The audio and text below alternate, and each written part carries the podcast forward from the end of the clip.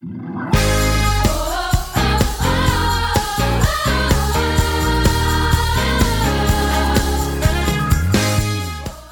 to the City Church International podcast.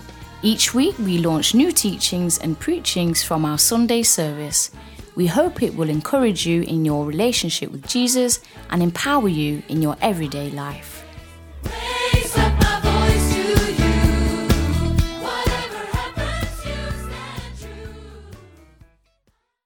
Now, today we're going to talk about sin, S I N, which is one of the most, most, most disturbing thing in the church.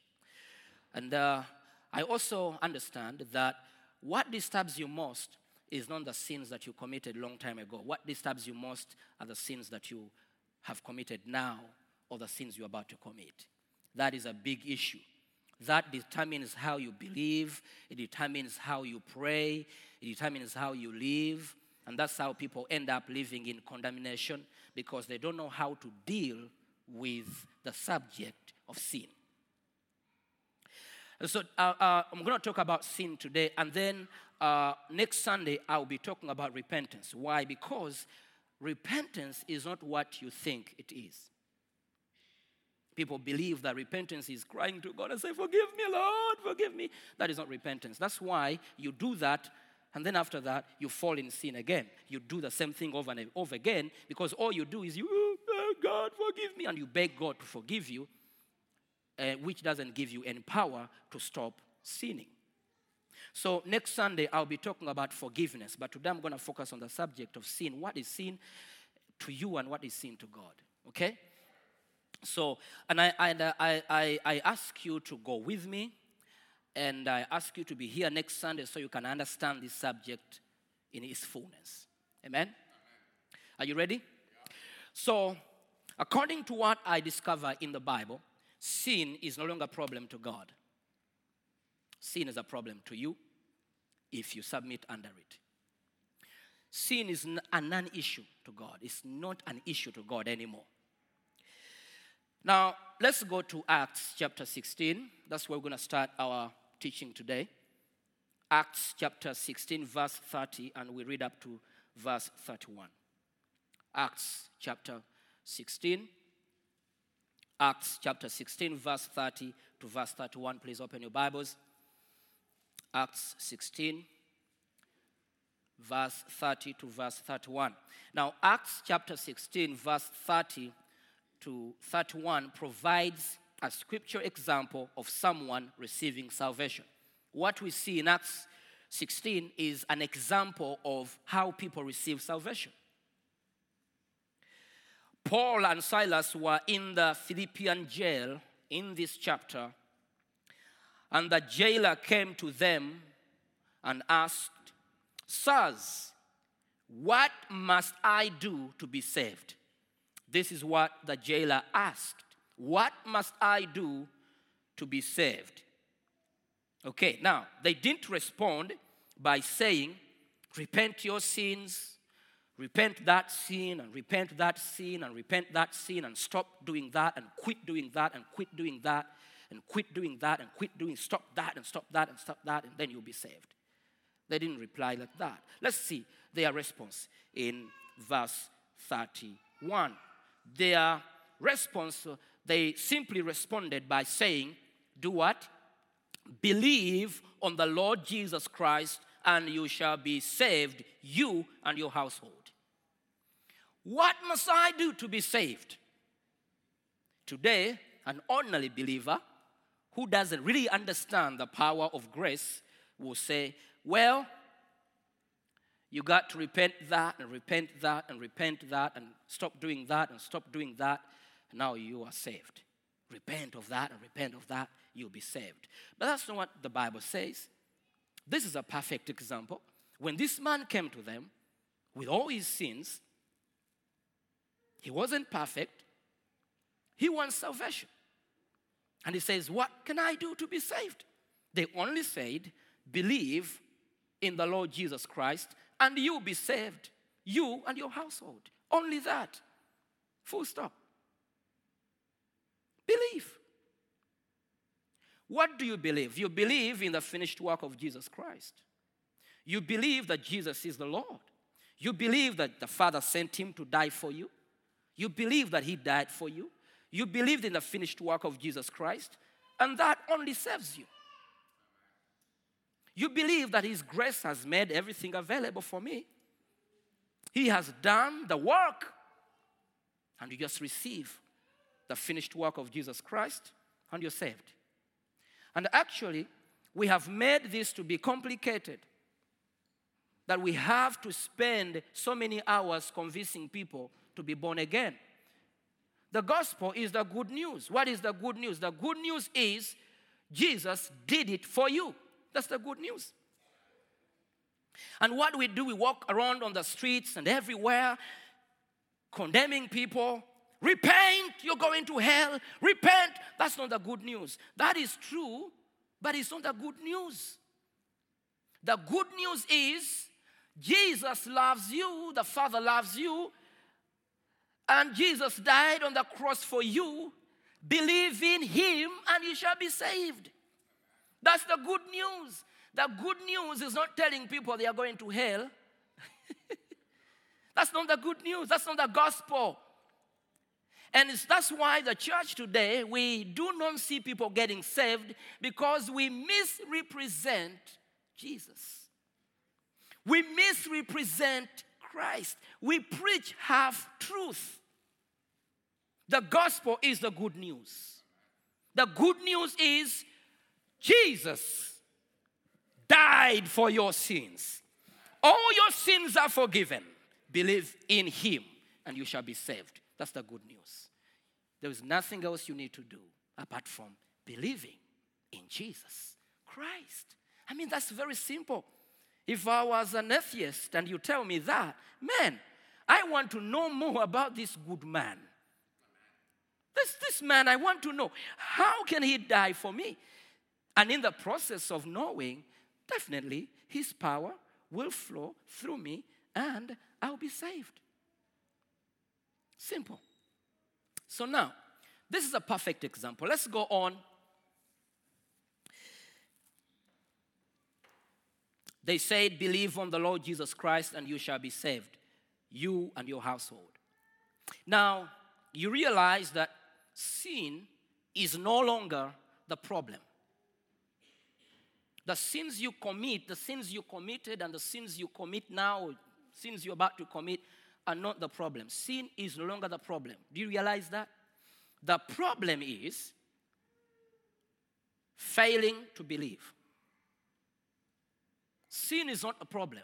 The problem is failing to believe. If you fail to believe, that is the problem. But sin is no longer a problem. And if we can get people to believe in Jesus Christ, sin will not be a problem. That- that- I don't even have to talk about sin, I have to talk about grace. When I talk about grace and, and I show people what Jesus has done, they will understand how bad sin is and they will run away from it. So sin is no longer the problem. The problem is when people fail to believe in Jesus Christ. And definitely, our way of presenting the gospel is making people to fail to believe in Jesus Christ. The power that saves is not in how much repentance we do. Can I say that again? The power that saves is not in how much repentance we do, but rather in believing on Jesus Christ and that God has already forgiven our sins. That brings the power of salvation. Not in how much repentance people do, but in believing the finished work of Jesus Christ. When people believe the finished work of Jesus Christ, they receive the power of salvation. Now, you also realize that Jesus didn't just die for the people he knew would accept him one day, he died for the sins of the whole world. Jesus died for every sinner who has ever lived on the earth. And he died for our sins 2,000 years ago, long before we had even committed them. 2,000 years ago, Jesus died for our sins before we even committed them. Let's go to First John. First John chapter 2. First John chapter 2, verse 2. First John says, He is the atoning sacrifice for our sins, and not only for ours, but also for the sins of the whole world. Wow. He is the atoning sacrifice for our sins. Our sins.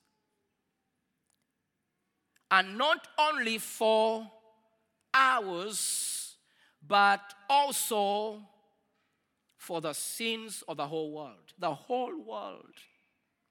Including the kids or children that are being born right now, and those that are about to be born, and those that are, will be born next year.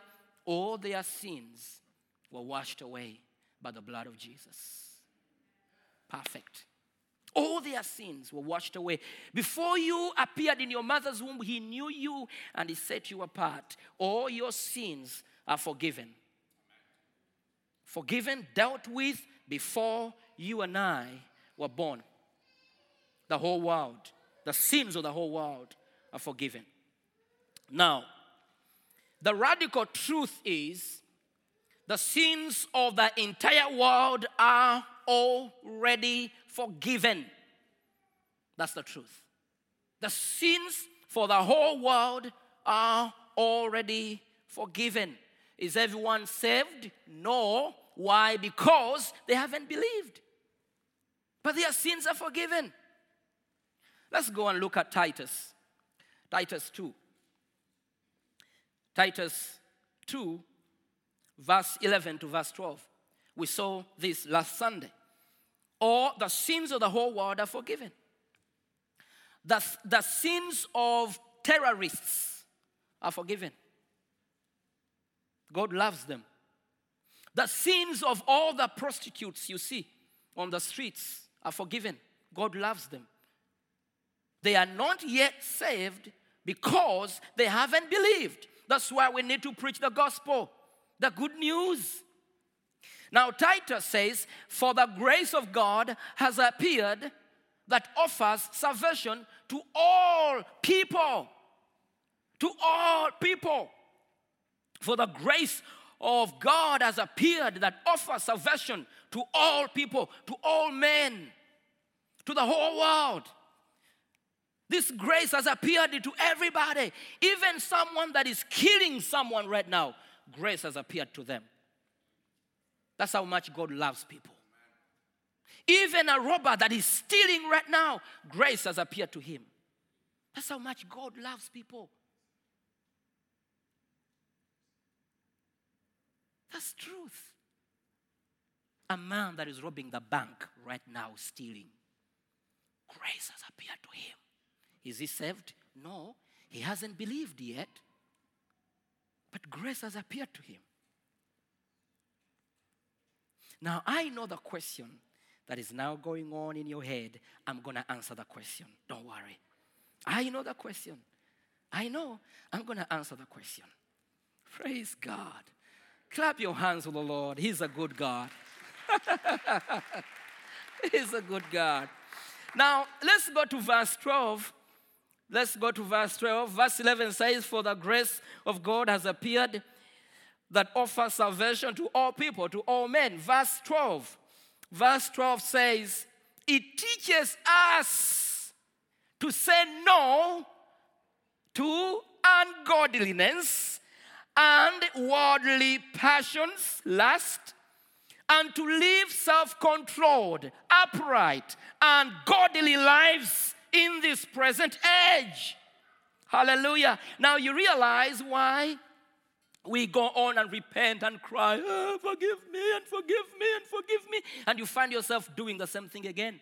And you come back, forgive me. I remember when I was growing up, the, uh, my father's friend took us to this camp.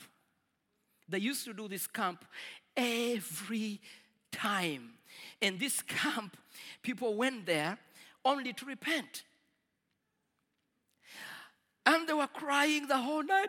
"Eh, Forgive our sins, don't punish us. Eh." So many people all over the place crying. And I went there the first time, I also cried. God, forgive me, I cried. Then they took me again. We cried. But when I went there the first time, I said, But this God, I see the same people here crying every time. This God, He doesn't forgive people. So I went back home and I said to my father, But daddy, this God, I see the same people. I saw uncle so and so, I saw neighbor so and so, I saw pastor so and so. They are all crying every time. God, God, have, God has no mercy. He doesn't forgive. That disturbed me, and I said, Daddy, I'm not going back there. Because I was tired of crying. The reason why we cry and cry and go back and do the same thing and come back, "Ee," we cry and go back and cry and cry, It's, is as if we are begging Him to forgive us. He has already forgiven you. Why are you begging Him? Now, the reason why we do that is because we have not responded to the finished work of Jesus Christ. Because if we respond to the finished work of Jesus Christ and submit under this grace, this grace will teach us to say no to sin. Hallelujah. Please, if you didn't clap your hands, can you clap your hands to the Lord Jesus? Hallelujah. Glory to God. Amen. Now, you realize the power that stops you from sinning is grace. Man, you can go home now. You can live on this this week. It's powerful. Now, now it took, um, it took me a long time to discover this. And my life, I became so free. When I discovered, please don't take it away, when I discovered that this grace, if I respond to this grace, this grace teaches me to say no. Have you ever said no? This grace teaches you to say no. In other words, grace carries you and puts you in a place where you look back at your old life and you're like, no, I'm, I'm not willing to go back there. I'm not willing to go back there. I'm saying no. And grace is your coach, grace is your teacher. Amen. If you don't understand grace, you're going to do the same thing again and you're going to condemn yourself and you're going to die condemning yourself. Hallelujah. But you, if you understand the power of grace and what Jesus has done, this grace will teach you to say no. It will teach you not to stop living unholy. It will teach you not to follow, you know, you know, uh, fl- fleshly or worldly passions. It will, it will teach you to have self-control. Self-control. What believers need is self-control. But within your body, there is no self-control. There is no self-control. Right now, if you are driving the most expensive car and another one comes and you see it, you hate the old one and you want the new one. There's no self control in you. You see, now I'm not trying to really uh, uh, condemn my wife, but you know, sometimes, you know, she she has gone for shopping and she has the best, and as you walk and she sees something else and says, Oh, this one. But you have already this. No self control. Stop shopping. Can we go home? And then, you know, uh, she says, I also need patience. but grace teaches me to be patient. You see, I'm taking this credit card. I'm only spending 500. And then receipts come back home and you 2500. No self-control. But grace teaches you to control yourself. What I mean is this. What I mean is this. Please get, get, back, get back here. Let's get to the topic. What I mean is this. Within you, there is no self-control.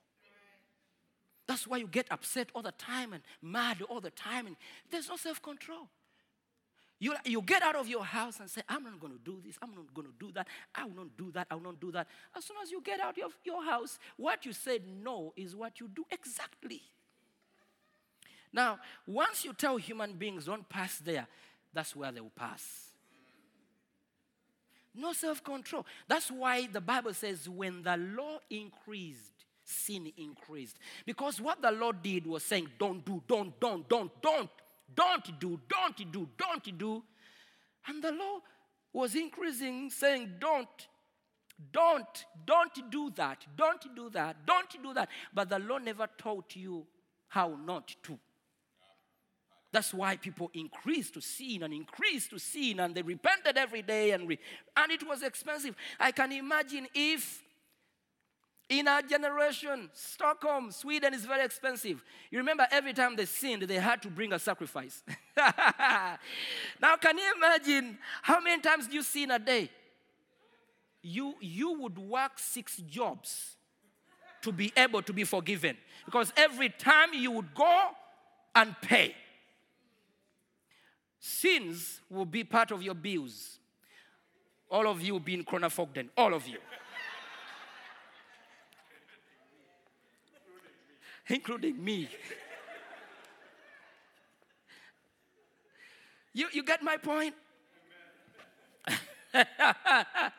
so, so grace teaches us. Praise God. Are you with me? Praise God.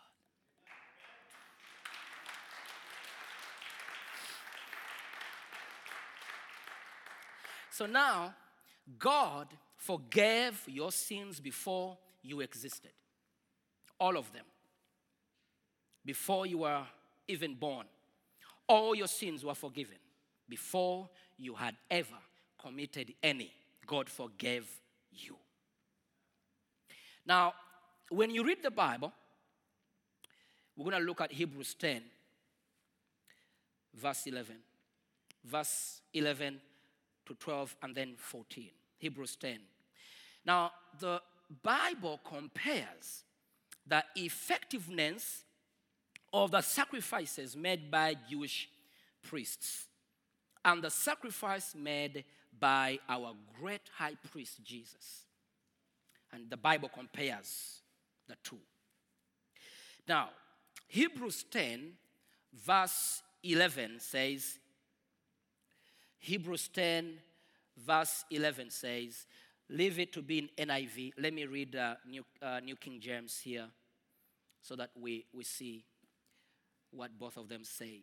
And every priest stands ministering daily and offering repeatedly. Everyone say repeatedly.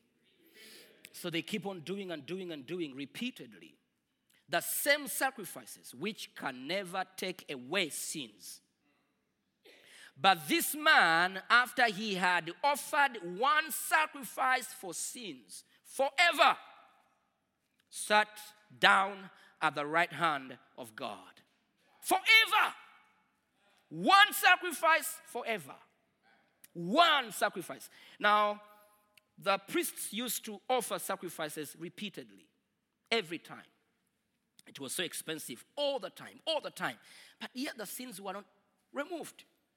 But this man, Jesus Christ, paid the sacrifice, atoning sacrifice, once and for all. One sacrifice. Verse 14. Let's go to verse 14.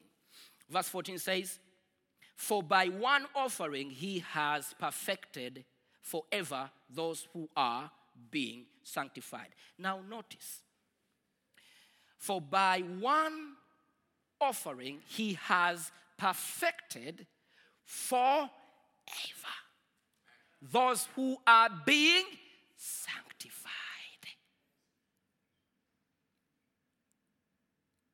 Now, let me ask a simple question.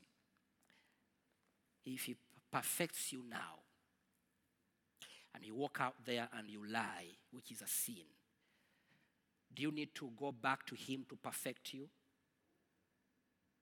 see, you're all quiet. No. He has perfected you forever. Those who are being sanctified, those who are being made holy. Okay? And people think that when you receive Jesus Christ as your Lord and Savior, there is no sin that is supposed to be in your life. I'm telling you, as long as you are in this flesh, you will commit it. You will commit sin. But the power that overcomes that sin is the grace of God, knowing that this is not me. I'm no longer that. And you respond to the finished work of Jesus Christ. You walk out and shake your dust off and go back to your Father. That is the power. Amen. So he says, perfected forever. We are forever perfected. Forever perfected. And this is radical truth that is disturbing people's thinking. Again, if you use your head, you'll never understand this. It has to sit in your spirit for you to understand. And everyone who struggles with this, they're using their head. They are used to, they are used to pay, pay, pay, pay for everything. Pay, pay, pay, pay, pay, pay, pay. You got to pay. This is difficult for such people. Now, now you need to write this down. Please write this down. The perfection that comes from Jesus' sacrifice has no end, even though those who have been made perfect are still in the process of being made holy. Verse 14. The perfection that comes from Jesus' sacrifice has no end. The perfection that comes from Jesus' sacrifice has no end, even though those who have been made perfect are still in the process of being made holy. For by one offering, he has perfected forever those who are being sanctified. The process is still going on because you are in the flesh. That's why he's coming to save us, to redeem us from this sinful world. Amen? Number two, what makes us perfect is not what we do. What makes us perfect is not what we do, but what Jesus did on our behalf. What makes us perfect is not what we do, but what Jesus did on our behalf. Number three, His unlimited perfection. His perfection is unlimited. His unlimited perfection cannot be stained by our imperfection. If we continuously believe in Him, His unlimited perfection can never be stained by our imperfection if we continuously believe in Him. So, what saves you is continuously believing in Jesus, not you trying to be perfect. Number four, if we put our faith in Jesus Christ and His finished work, if we put our if we put our faith in Jesus Christ and his finished work, we can be confident that sins from our past, our present, our future are permanently forgiven. Now, that is radical truth there. That's powerful. If we put our faith in Jesus Christ and his finished work, we can always be confident that our sins from our past, our sins present, and our sins in the future are permanently forgiven. Permanently forgiven. Now, I come to your question because I know what's going on in your head since we started. Now, does this mean that we should continue to sin? Does it mean that we should go on and sin and do whatever we want to do? We should, should we continue to sin because our sins are forgiven? No. And this is a radical question here, but also logical. It's logical. If you have never asked this question, it means you have never received the truth. Anyone who receives this truth will ask this question Should I continue to sin? No, no, no, no. And I'm saying no. no, you shouldn't continue to sin. Because you see, sin is dangerous. You need to realize that. Sin is dangerous. Sin is deadly. Sin killed Jesus on the cross. You cannot play with something that killed Jesus. It gets in the way of our healthy relationship with God. Sin punishes and sin separates you from God. Sin is a bondage. Sin is your enemy. Sin is a slave master. You cannot entertain sin. Sin is bad, but powerless. If you understand the grace of God. Another thing is this you need to understand that God doesn't punish people.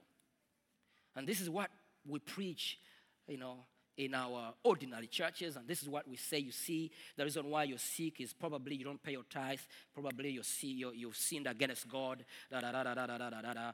God does not, God doesn't have a stick in his hand looking for sinners to punish them. God wants everyone to be restored, not to be punished.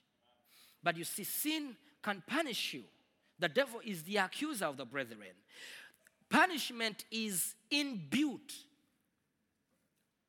if you entertain sin, sin itself will punish you. Punishment is within sin, not from God. And what sin does, sin condemns you and judges you. You know why? Because sin separates you from your healthy relationship with God. Separation is judgment. So God doesn't judge you, God doesn't punish you.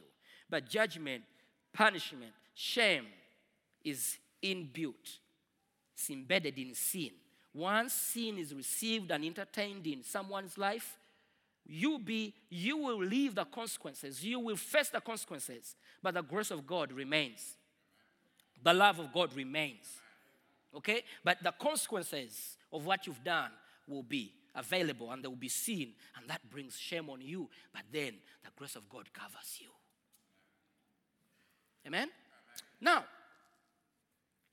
let's go to uh, romans 6 verse 1 Romans 6, verse 1 to verse 12. Romans 6, verse 1 to verse 12, it says, What shall we say then? Shall we continue in sin that grace may abound? Certainly not. This is Paul answering. How shall we who died to sin live any longer in it? Now, I want you to understand that the death he's talking about means separated, okay? So he says, How can we, if we have been separated from sin, how can we live again in sin? So, death is a type of separation. The death he's talking about here is a type of separation from sin. So he goes ahead in verse 3 he says, Oh, do you not know that as many of us as were baptized into Christ Jesus were baptized into his death?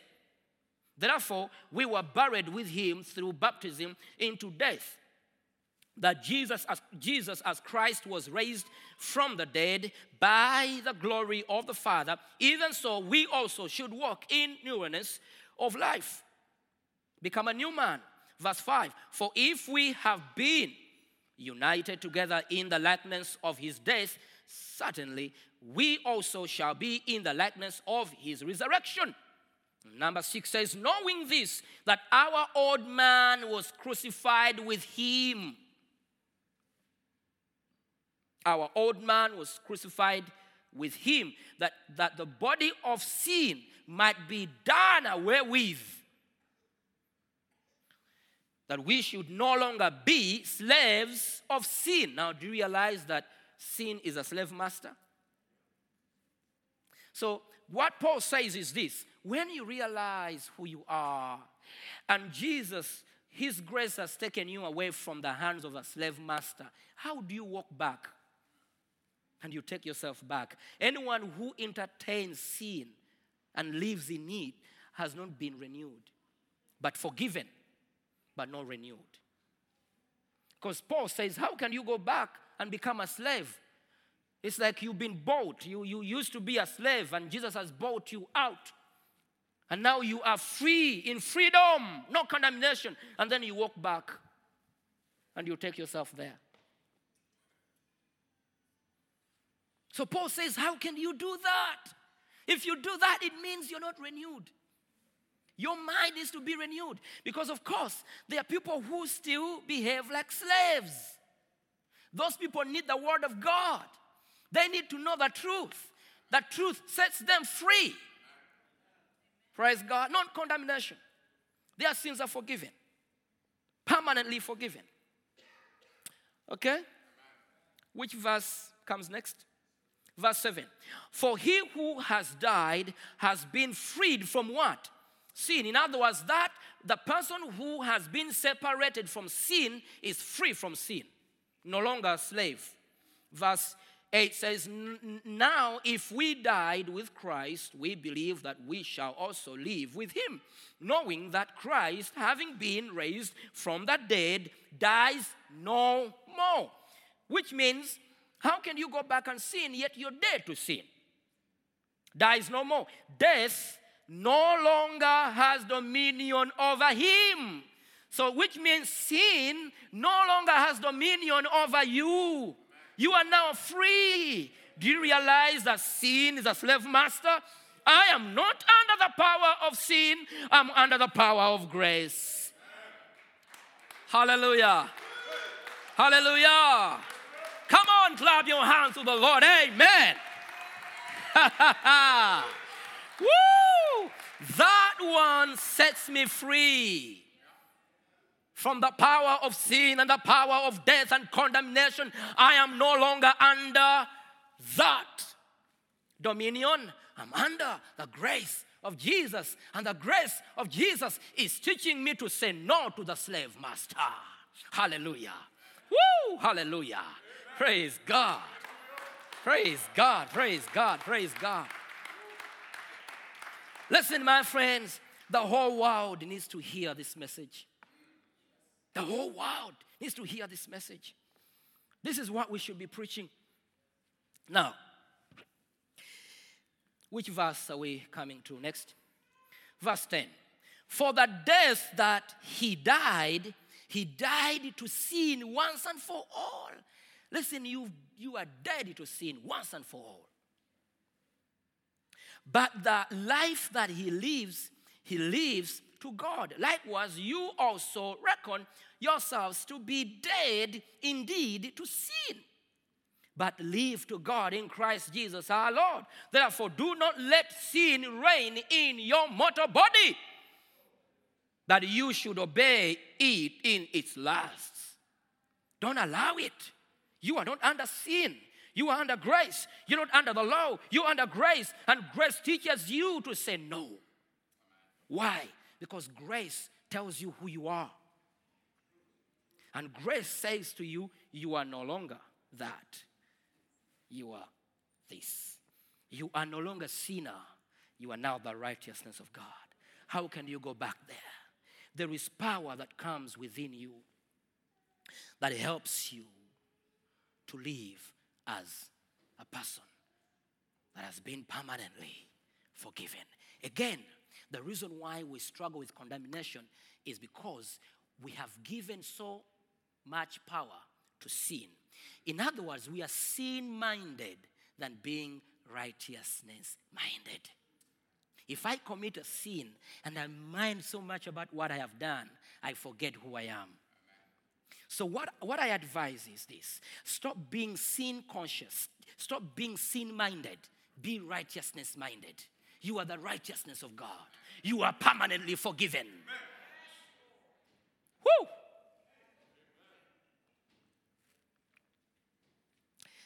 My God, I, I have to finish. I have to finish. Oh, you got to come here and live with me for seven days. Your life will never be the same again. Glory to God. Now, there is a there, there is so much that we we miss if we don't really understand um, what Jesus has done. Amen. Now, listen to this. I'm about to finish. I can finish three times, but the fourth one I will finish. Now, I need, I need to explain this very well. I don't know if I should say it today or not, but let me say it. And I, I have faith in God that you will understand it. Can I submit this to you? That your sins do not affect your relationship with God?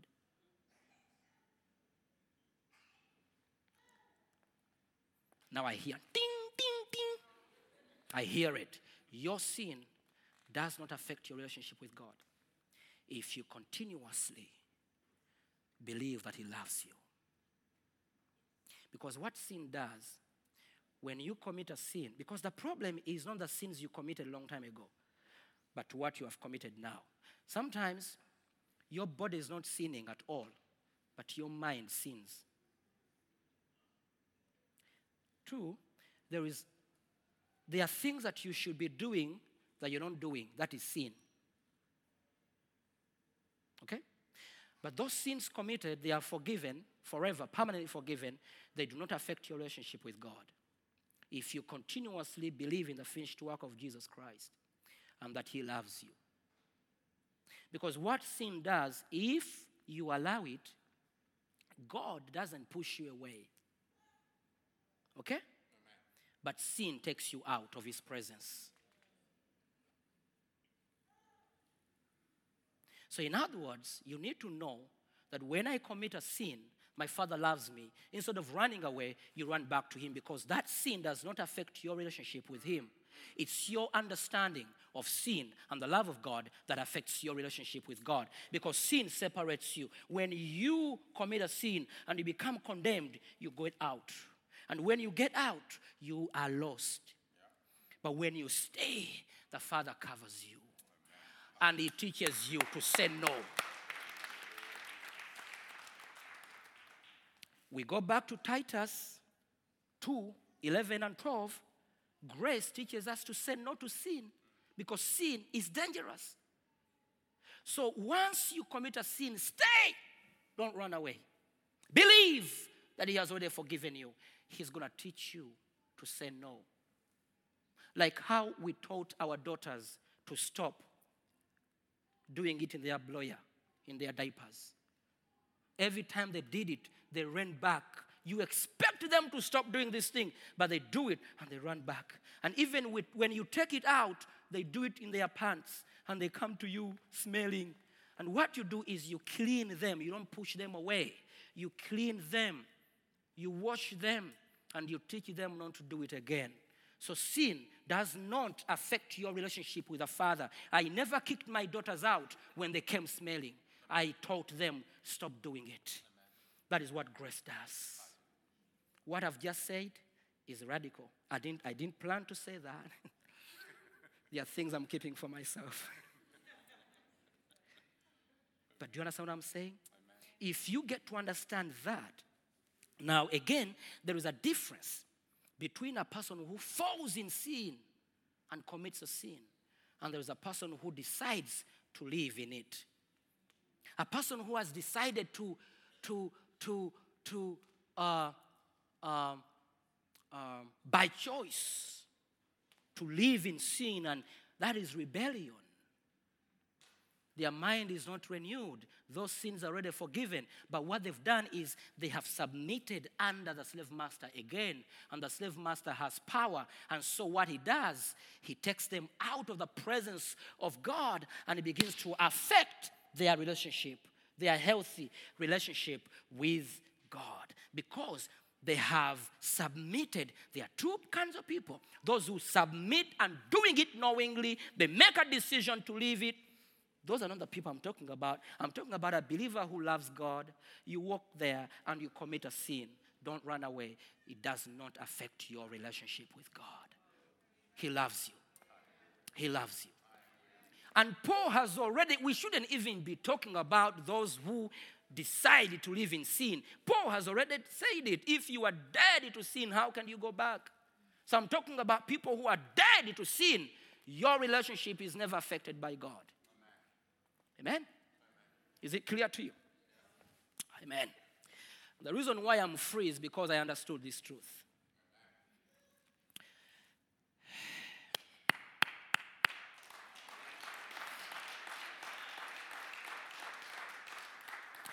Now, because I know your heads are tin, tin, tin, tin, I can't leave you like that. Let me give you a scripture.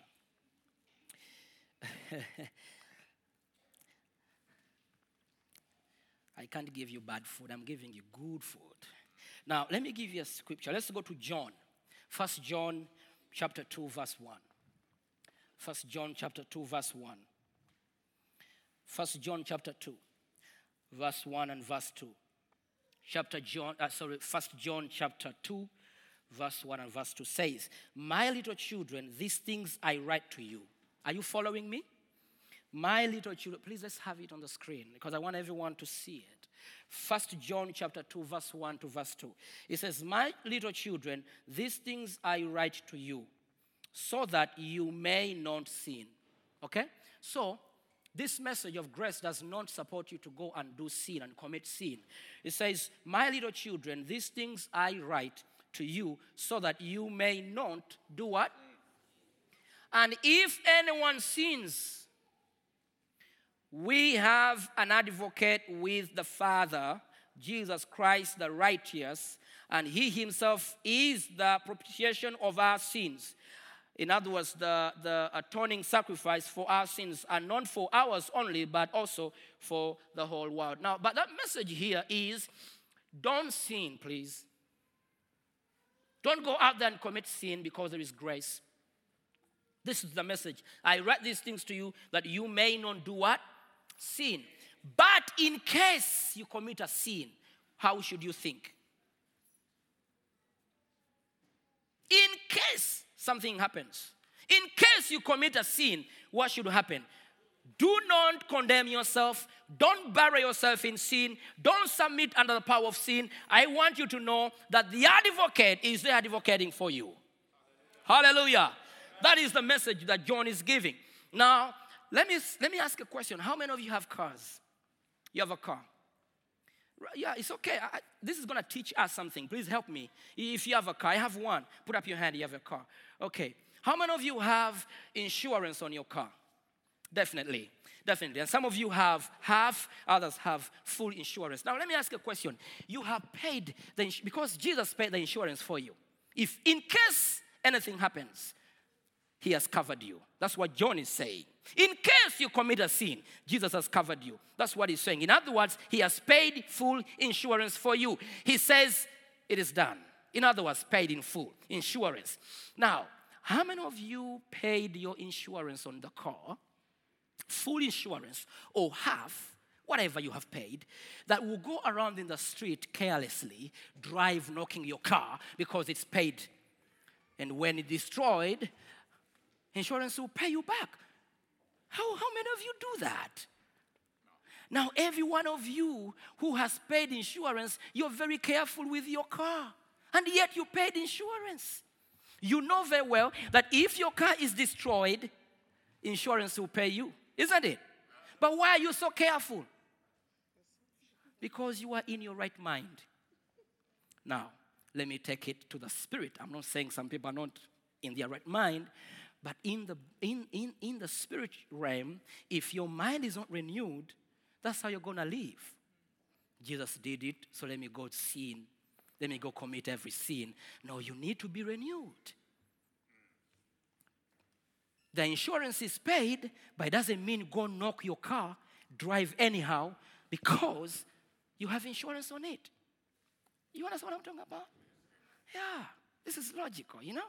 Now, now, I know the choir is here, um, and uh, I have to stop, but let me, let me also submit this to you that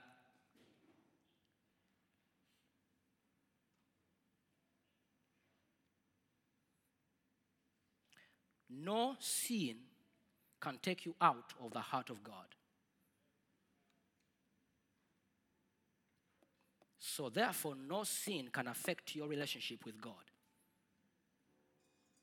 if you know that He loves you.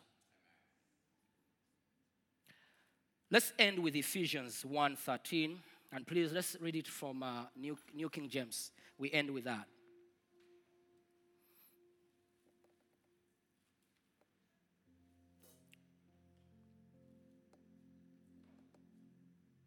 Ephesians 1:13. Are you blessed? Not confused? Okay, that's good. Okay, have you seen Ephesians 1:13?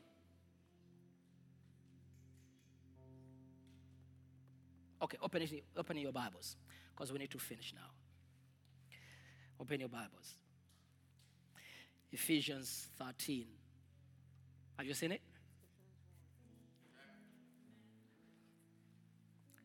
Ephesians 13. Uh, Ephesians 1:13. Ephesians 1:13. Yeah.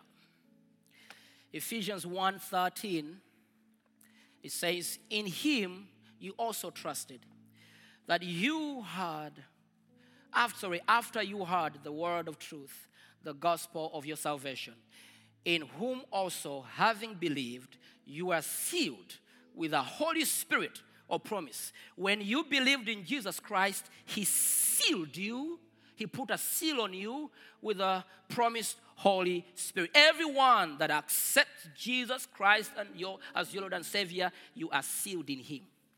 So nothing can take you out.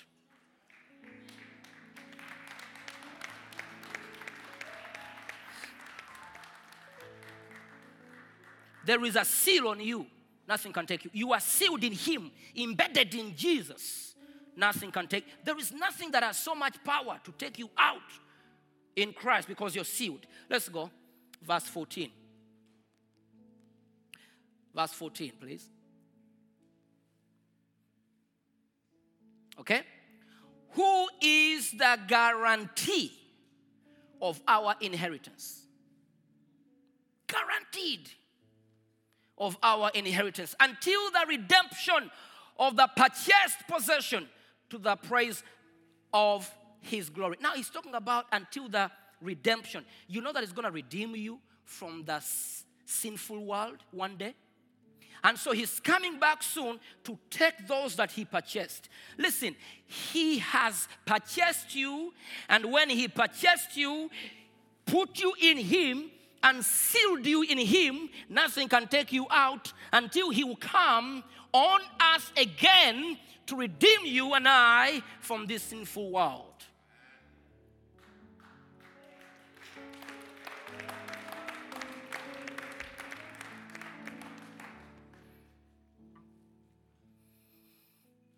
All right, next time I will tell you what I believe.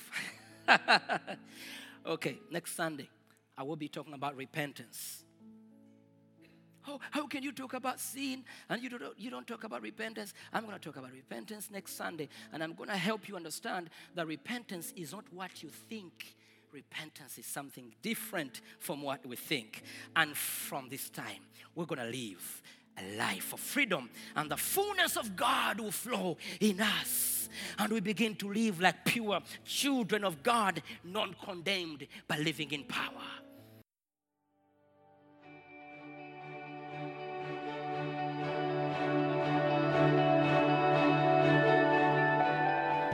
Thank you for listening.